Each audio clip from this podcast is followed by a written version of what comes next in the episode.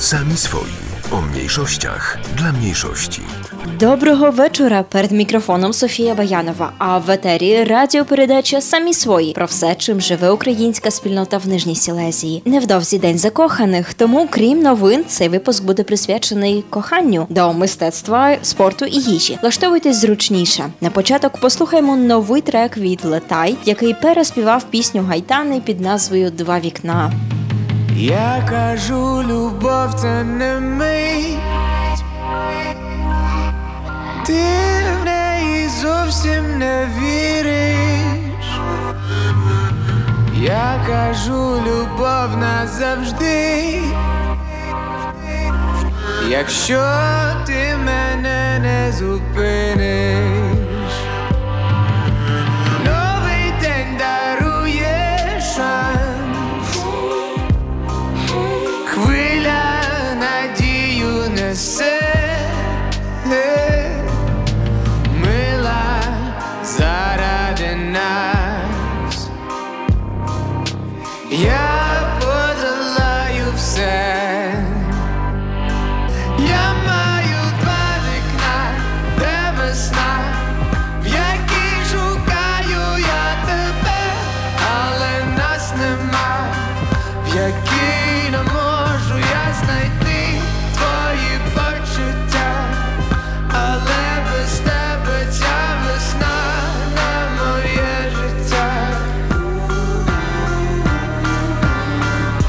кажу, любов це вода.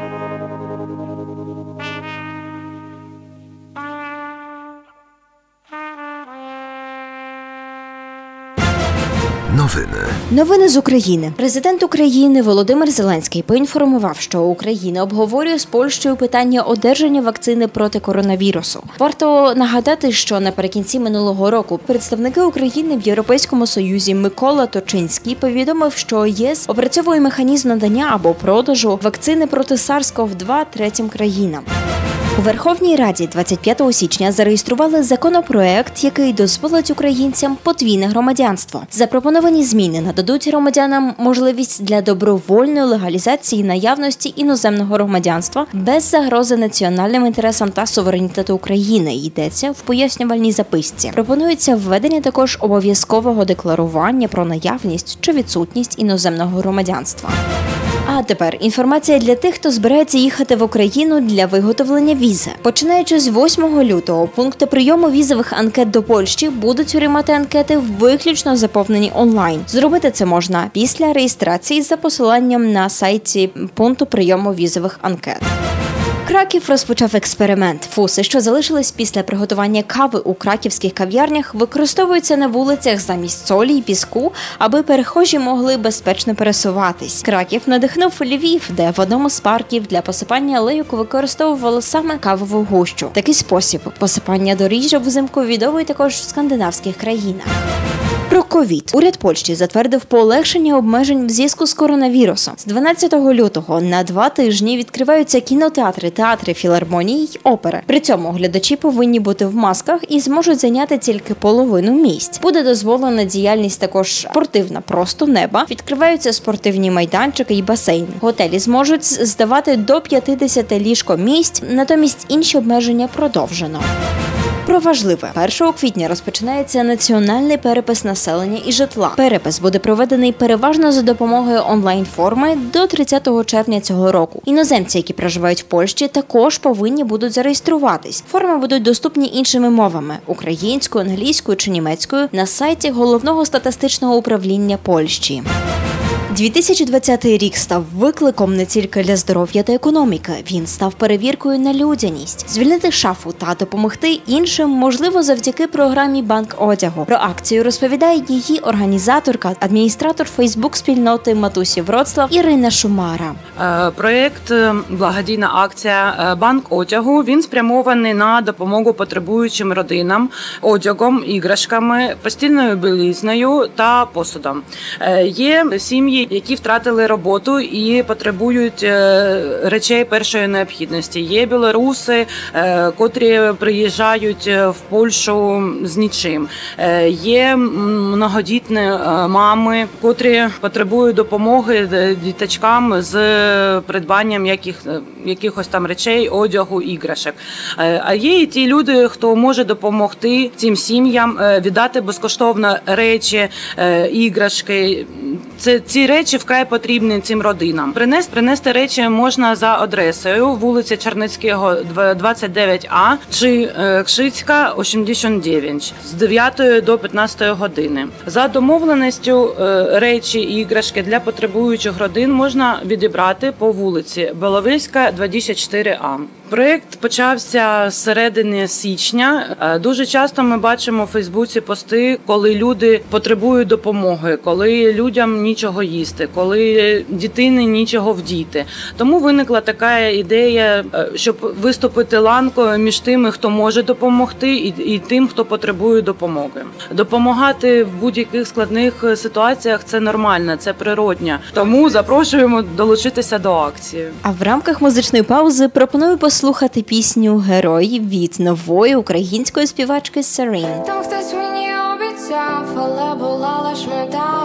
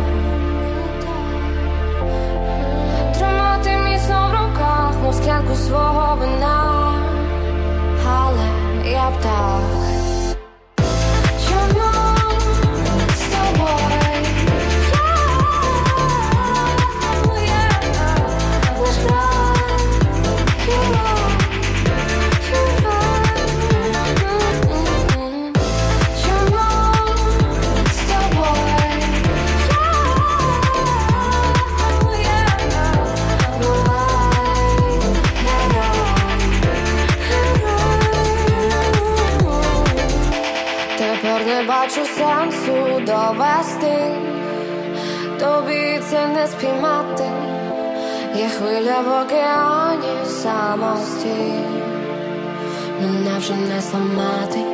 Щось ти мені обіцяв, але пропала мета. Нема на тобі лиця,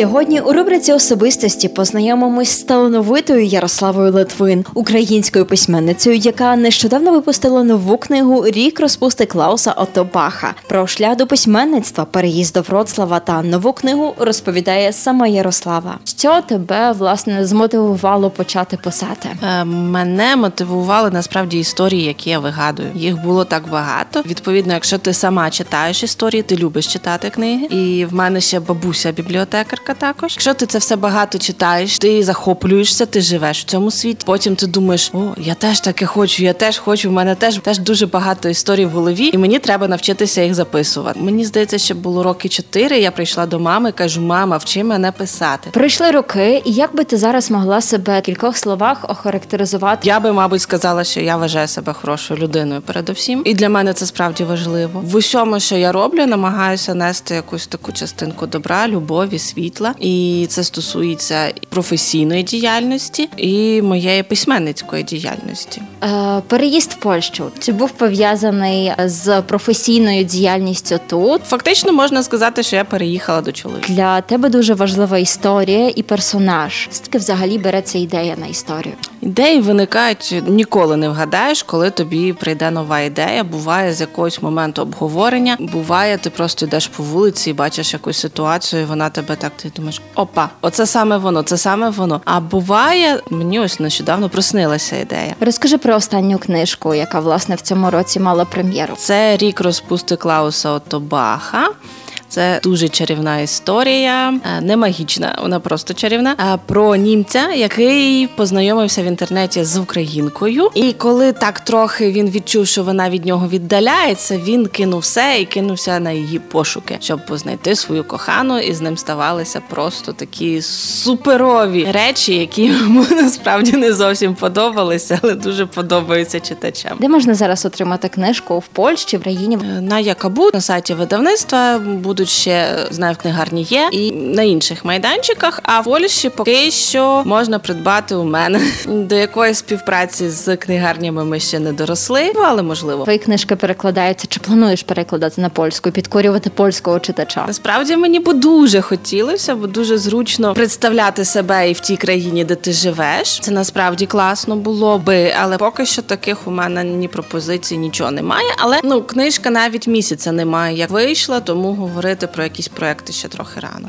Попередні в мене були, що перекладали уривки і перекладалися оповідання польською. У мене була презентація в Жешові. У нас дуже мало такої літератури, яка була би цікава справді емігрантам. Отакої емігрантської літератури про їхнє життя, про те, що вони бачать. Бо насправді, коли ти живеш в Європі і ти приїжджаєш в Україну, ти бачиш її зовсім інакше. І щоразу це якось певною такою тебе це трохи травмує, тому що ти пам'ятаєш все інакше. І дерева були вищі, і паркани біліші, і все інше. І, і немає такого, щоб говорило про наші переживання, бо е, якби найкраще емігранта зрозуміє інший емігрант. Ну і я думаю, що певною мірою моя література, от оскільки ці теми дуже важливі, близькі мені, вони також будуть близькі і всім іншим, хто зараз перебуває на території Польщі. Можливо, Німеччини, а можливо, Нади.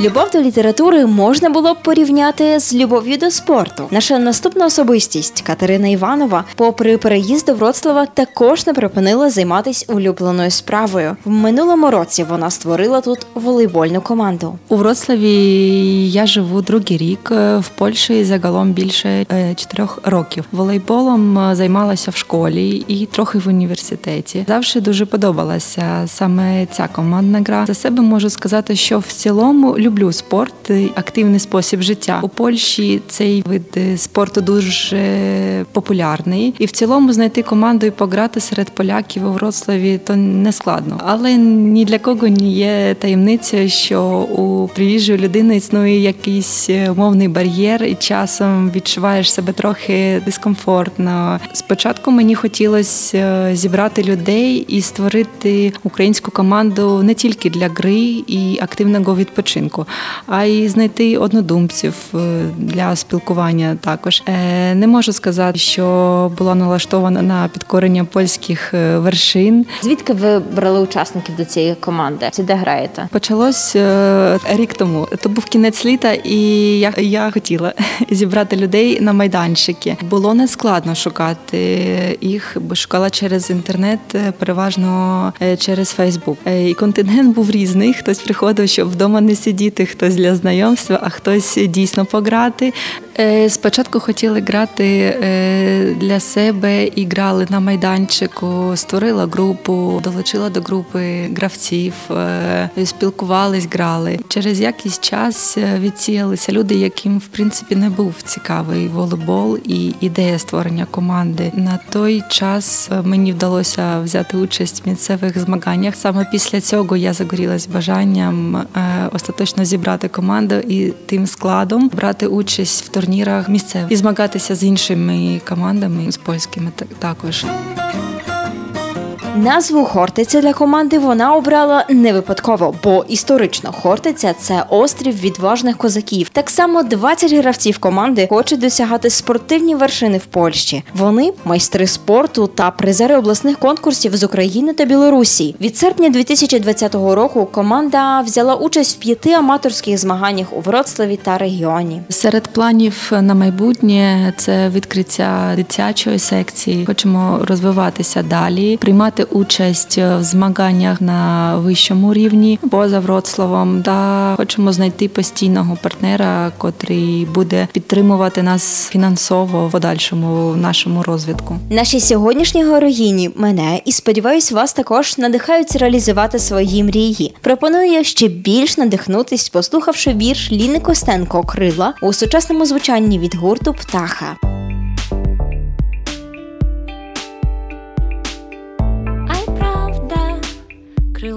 Ґрунту не треба, землі немає, то буде небо,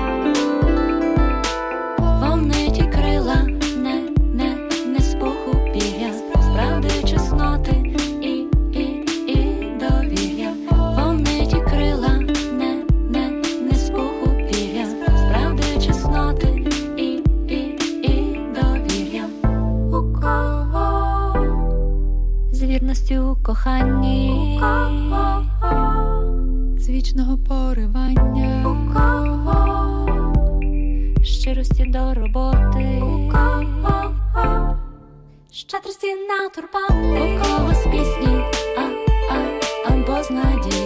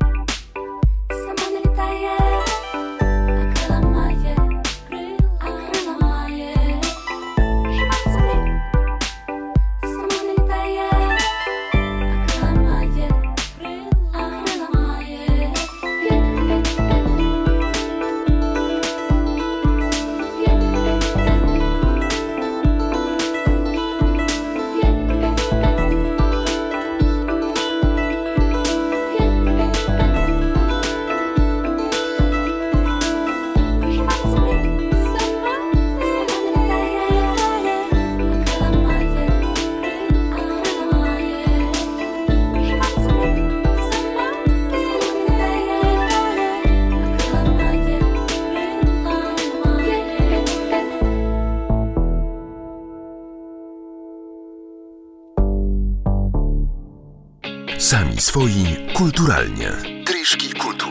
Книжковий клуб Проза запрошує 11 лютого о 19 на авторську зустріч з Андрієм Бондарем, українським поетом та прозаїком. Захід присвячений буде його новій, дещо сюрреалістичній та незвичайно оригінальній збірці оповідань Церебро. Зустріч проведе літерознавиця, професорка Вроцлавського університету Урсула Гленська. Трансляція буде проводитись наживо водночас з Вроцлавського клубу та з Києву. Дивитись можна її буде онлайн на Фейсбук-сторінках видавництво Варстви, Вроцлавський дом літератури та Вроцлав місто літератури. У культурних новинах не могло забракнути згадки про два свята, що наближаються.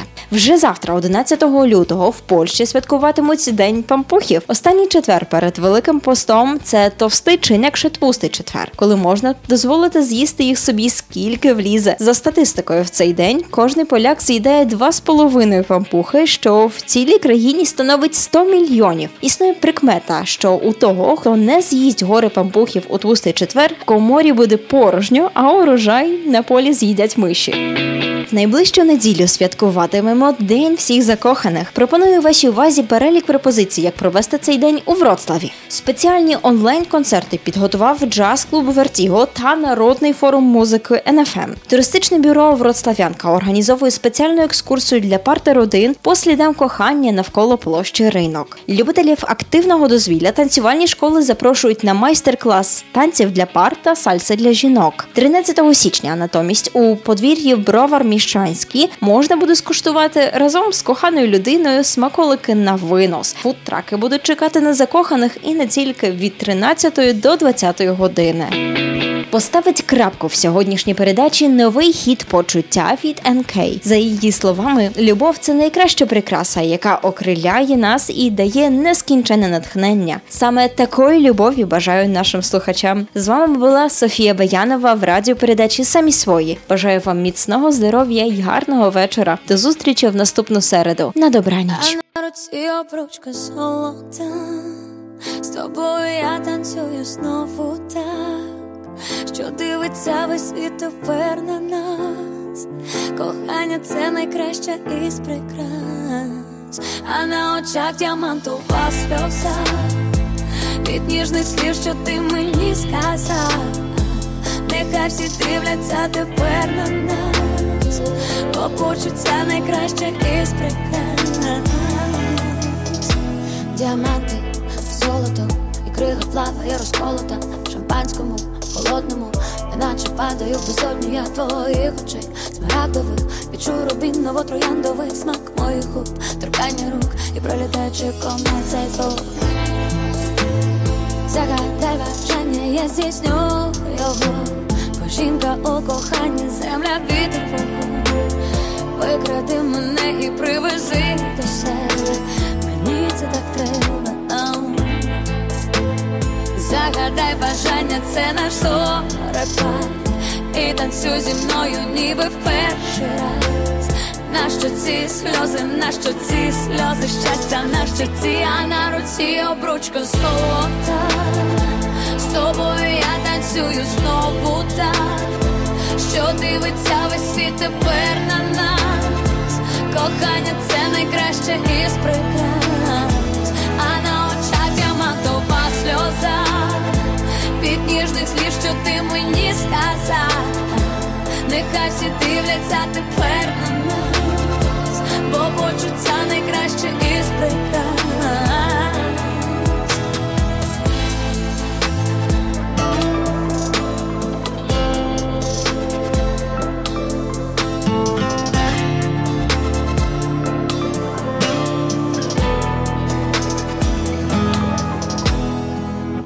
На руці обручка золота. З тобою я танцюю знову так Що дивиться весь світ тепер на нас. Кохання це найкраще із прикрас А на очах діамантова сльоза